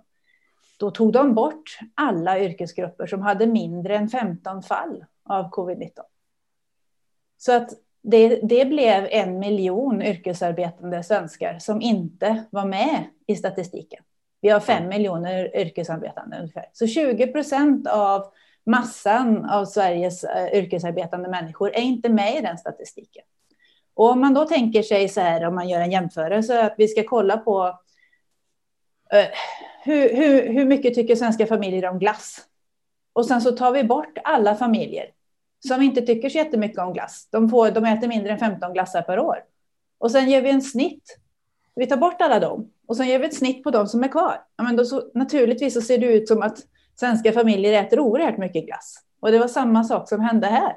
Att de tog bort alla de yrkena som inte drabbas så mycket av covid-19. Och sen gjorde de statistik på de yrkena som var kvar. Och då ser ju snittet naturligtvis mycket högre ut än vad det är som är normalt. Så att ja, visst, ja. Ja, och sen var det många fler saker, som, men det är bara ett exempel på hur de gjorde sin statistik. Där, där, där får du pris för uh, soffans mest pedagogiska utläggning.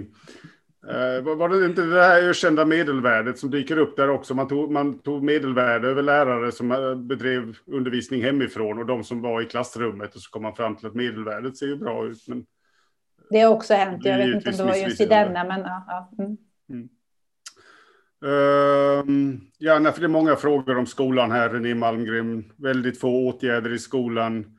I princip bara handtvätt, omöjligt att hålla avstånd. Flera klasser fortsätter samlas i matsalen. Barn har sång och idrott inomhus. Och det, jag behöver inte... Det, är klart att det är dåligt, de borde idrott utomhus och så. Men eh, kanske en, tal om sång där, Lucia. Vad, vad säger vi om det? Öva ute. Ha utomhuslussetåg, eh, öva ute.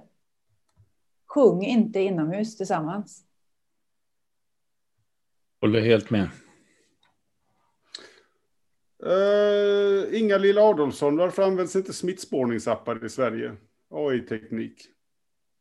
Ofattbart att vi inte använder det. Finland har erbjudit sin. Den skulle kunna gå att använda ögonaböj. Finland har en app som mm. de använder. Ja.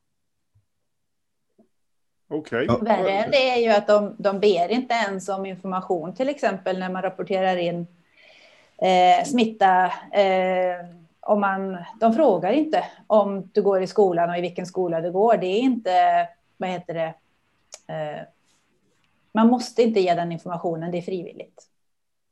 Så hur kan man då veta om det är utbrott i skolor om man inte ens frågar efter information?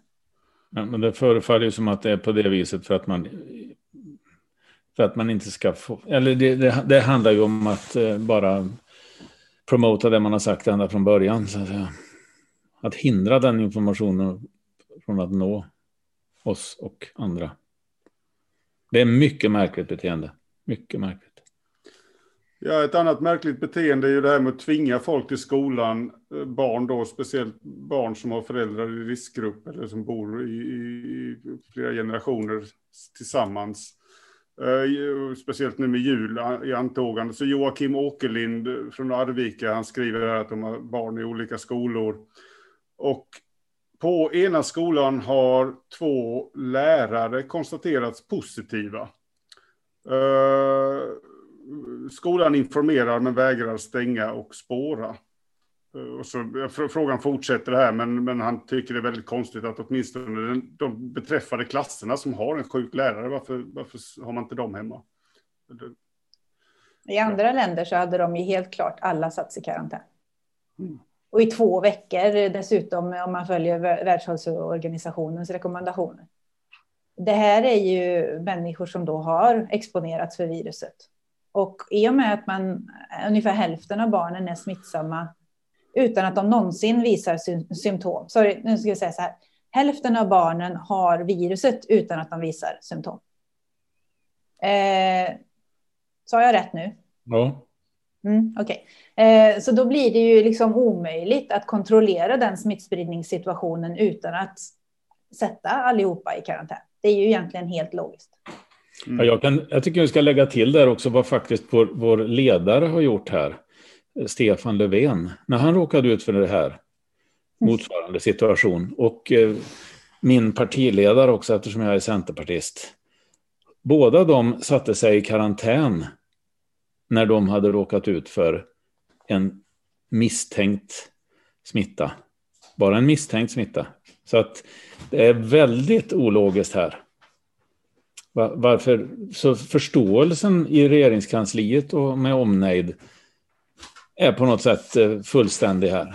Men att svenska folket skulle få komma i åtnjutande av den typen av eh, möjlighet eller strategi, det är inte aktuellt. Det är i många stycken helt absurt.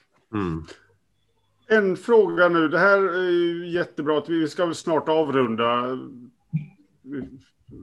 Ja, eh, men Annette Engqvist Kairenius skriver här. Hej, hur kan det vara nödvändigt att barn på förskolan måste vara hemma vid även lättare symptom när de ändå inte smittar? Ja, det, det kan jag svara på. Att de gör det. Ja, de gör det. Alltså, hur, hur skulle de inte kunna göra det?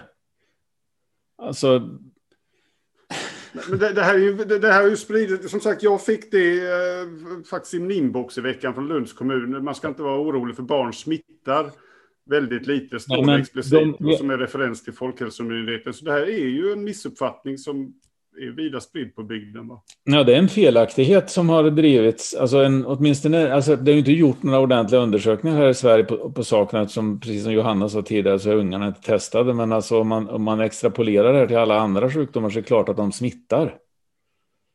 Om sen om de smittar mycket eller lite, men, men smittar gör de ju ungar smittar ju som bara den på förskolan. Eh, både det ena och det andra, eller hur? Och, och, när det gäller influensa så är vi ju helsäkra på saken. I det här fallet har vi inte gjort tillräckligt med undersökningar. Men, men... Jag såg faktiskt en undersökning, eh, för jag var... Eh, det var Cecilia Naucler som visade den för mig. Och vad jag minns så hade det, det var från en, alltså en peer-reviewed publication där, det, där man kunde se att barn i 10 till 19 års ålder var lika smittsamma som vuxna medan barn i 0 till 10 år enligt den publikationen skulle vara hälften så smittsamma. Ja, men, jo, ja, visst, men hälften. Det beror ju på att de har, det är klart att de är hälften, alltså de har ju en helt annan yta på sina luftvägar än vad, alltså en förskolebarn i två treårsåldern har ju helt annan yta i de övre luftvägarna, så det blir ju mindre, färre viruspartiklar blir det. Men att man skulle hitta på att de inte var smittsamma, alltså inte var smittsamma, det är fullständigt osannolikt och otroligt ja. utifrån all känd kunskap om hur det där fungerar. De är hälften så stora helt enkelt. Benjamin. Ja. Jag tänkte ställa en fråga. Alltså, finns det någon vetenskaplig grund för antagandet, alltså det epidemiologiska antagandet, inte liksom det teoretiska utifrån receptorer i i mun och, och svalg och sådär. Utan eh, finns det någon epidemiologisk grund eller är det en rent svensk konstruktion att barn inte smittar alls eller smittar väldigt lite? Jag, kan, jag tror jag kan säga att i början mm. på epidemin så fanns det vissa signaler. Den som jag, jag har fördjupat mig på detta och den ja. studien som jag tyckte var bäst åt det hållet, det var en studie som gjordes i Irland ganska tidigt, säg, jag tror den publicerades i maj ungefär. Mm. Och där har de kollat på sex individer som var positiva och hade gått i skolan. Uh, och där hade de tre barn och tre vuxna som arbetade i skolan. Då. Och uh, de hade de följt och de hade tillsammans haft över tusen kontakter för de hade haft körövningar och grejer. Uh, och det var faktiskt bara en annan vuxen som smittades i den studien. Men nu är det ju som så att nu vet vi ju mycket mer. Eh, och vi vet att det sprids mest med superspridare till exempel. Att mm. sex personer inte skulle vara en superspridare är faktiskt ganska sannolikt eftersom det är, vad är det 70-80 procent som inte ger vidare smittan till en enda person utan det är några få som smittar väldigt många. Eh, och, och, nu när, vi har, när de har gjort riktigt fundamentala studier som den här Indienstudien där de testade en halv miljon människor så har de ju sett att små barn, 0 till 4 år, smittade 2,5 procent av kontakterna som de hade haft. 0 till 4 år nu, så det är riktigt små barn. Mm. Och eh, om man kollar från 5 år till 17 år så smittar de lika mycket som vuxna och det är ungefär, det var mellan 10 till 15 procent av kontakterna de har haft. Oh, så eh, även ifall små barn smittar mindre i den studien, så förskoleålder, så är det ju inte så att de inte smittar alls. Och dessutom så måste jag ju säga att eh, man kanske inte umgås med en bebis på samma sätt under en pandemi som man gör till vardags. Så att, att man inte kommer så nära små barn just nu är väl egentligen ganska logiskt. Det finns ju andra faktorer också, liksom hur vi umgås, som kan ha spelat in i att de här små barnen har smittat mindre än eh, de äldre barnen. Mm. Så, så är min tanke i alla fall. Men i alla fall, det, var, det är väldigt solida data när man har kollat. Så de börjar med 50 000 positiva fall. 50 000 jämfört med de sex positiva fallen i Irland. Och så smittar de ut då och fick över en halv miljon personer som de testade. Så att visst, de kanske smittar mindre, men de smittar. Och ser man till antalet kontakter de har på en dag så är det ganska lätt att räkna ut att det är en stor del av smittspridningen i Sverige som sker här. Mm. Dagisbarn brukar inte vara så jättebra på att hålla avstånd heller. Även om de smittar hälften så mycket så kan de ha dubbelt så mycket eh, närgången kontakt. Det finns en annan studie som visar att eh, små barn har 10 till 100 gånger mer virus i sina övre luftvägar än vad vuxna har. Mm. mm. Hur är det, Fredrik, behöver du avvika? Ja, så är det. Eh, då är frågan om vi... Jag har två jätteintressanta frågor kvar. Eller jag har hundratals frågor kvar som är intressanta. Men jag har två som är intressanta precis framför ögonen. Hinner vi dra dem eller ska vi? Ja, det hinner, det hinner vi. Okej, okay, så nummer ett då frågar om D-vitamin. Uh, hur viktig är D-vitamin för vårt immunförsvar och vilka konsekvenser får D-vitaminbrist för kroppens förmåga att bekämpa virusangrepp? Jag vill bara då säga som icke-expert att vad jag har förstått det så är D-vitamin viktigt. Och här sitter jag med en karta, D-vitamin. Och det eh, finns ju sådana här små tabletter man kan äta. Som det här, här finns det alltså någon slags vätska i. Och det är de man ska då helst köpa. För då, då får man i sig mer D-vitamin än om man bara knaprar de där torra pillerna. Det är vad jag har förstått, men rätta mig om jag har fel. Ja, hörru, jag är ingen D-vitaminexpert. Det vill jag genast säga. Så jag, jag kan inte uttala mig om den saken. Jag tror Benjamin hade något. Det finns en liten eh, experimentell studie där man har gett D-vitamin till patienter som har lagts in eh, för behandlingskrävande covid-19 och sett att eh, i just den lilla, lilla experimentella studien som jag tror är behäftad med metodologiska brister så kunde man se att andelen som hamnade på IVA var, var markant lägre i behandlingsgruppen. De som mm. fick D-vitamin alltså. Okay. Eh, så det där är ju en... Men på den nivån det är så är det liksom en intressant indikation och kanske någonting som man borde... Eller som man, ja, det är helt säkert någonting man bör studera vidare. Och eh, D-vitaminbrist i, eh, vid eh, infektioner i allmänhet är ju liksom inte gynnsamt på något sätt. Eh, så att eh, det kanske finns skäl att eh, se över om mörkhyade, man kanske borde vara lite noggrannare på med att kolla D-vitaminnivåer på mörkhyade människor under vinterhalvåret i Sverige om de vårdas för covid och eh, se om det är så att de kanske behöver substitution. Eh, det är spekulation, men eh, det vad liksom datan ja. möjligen indikerar. Så, svagt kunskapsunderlag, men det är i alla fall ingen dålig idé att äta D-vitamin, så kanske vi kan uh, summera det. Sista frågan här. Det, uh, jag, eh, man ser på stan, folk går runt med, alltså butiksbeträden har visir och folk jobbar ju bakom sådana här plastskärmar. och då är det en fråga här om att folk är så övertygade om att det är en droppsmitta, alltså att man, man får den när någon annan nyser på den så har man en plastskärm så är man skyddad. så frågan är då Eh, ja, hur ser forskningen ut kring det här med aerosolsmitta och, och eh, hur funkar visir? Nej, men visir, bara som avslutande svar här, det är ju att, eh, ett komplement till munskydd. Nummer ett är munskydd och sen kan man lägga på ytterligare ett lager genom att ha visir. Men visir bara, det, det är ju eh, Ja, det hjälper inte så mycket faktiskt för att då kommer det ut väldigt mycket droppar runt omkring det där visiret ur utandningsluften. Det kan man se om man gör det där i ja, bely, belysa andedräkten så att säga. Och jag har sett en del exempel på där man har någon slags minivisir framför mun och näsa eh, i olika sammanhang och det, det, det tror jag är helt verkningslöst alltså. En analogi som jag har hört är att om någon sitter och röker i ett rum så, så, så, så har man tänkt sig att man har ett visir på sig så andas man ju in det i alla fall. Ja. Håller den analogin? Ja, då, nej, det är ju lite svårt att, att, visa hur mycket rök som kommer ur munnen på när man har på sig munskydd. Så jag vet inte riktigt hur vi ska... För det, det är visar vi, det är gentemot munskyddet här ska ställas, alltså mot munskyddet det här ska ställas. Och Um, munskydden de är så effektiva därför att de tar emot. Om, alltså, de är som absolut mest effektiva för att smittan från en smittad inte ska nå ut i omgivningen eller till ja. nästan. Så att om man har på sig munskydd på ett korrekt sätt då stannar mer än 90 procent av de här dropparna som kommer ur andedräkten kvar där. Om man har ett visir framför här, då kommer nästan 100 procent av de här dropparna fara ut, precis som du säger, som med röken när man röker, runt omkring där.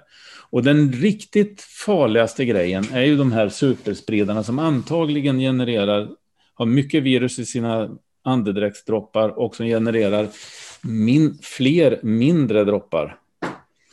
Och bo, vänta, vänta, vänta. Ja. Både små och stora droppar fastnar i munskyddet. Och nu när vi går in i den kallare perioden, även om det inte ser så kallt ut när jag tittar ut över min gröna gräsmatta här, så blir det torrare inomhus. Och då kommer fler av de här vattendropparna som kommer ut ur andedräkten att snabbt, så fort de kommer ut ur munnen på mig, och bli mindre. Och så kan de hålla sig i luften och fara iväg mycket längre än de här två metrarna och då blir det farligt. Så därför är det så mm. mycket bättre att ha ett munskydd där dropparna fastnar än att ha ett visir där dropparna kan liksom fara iväg kors och tvärs. Precis.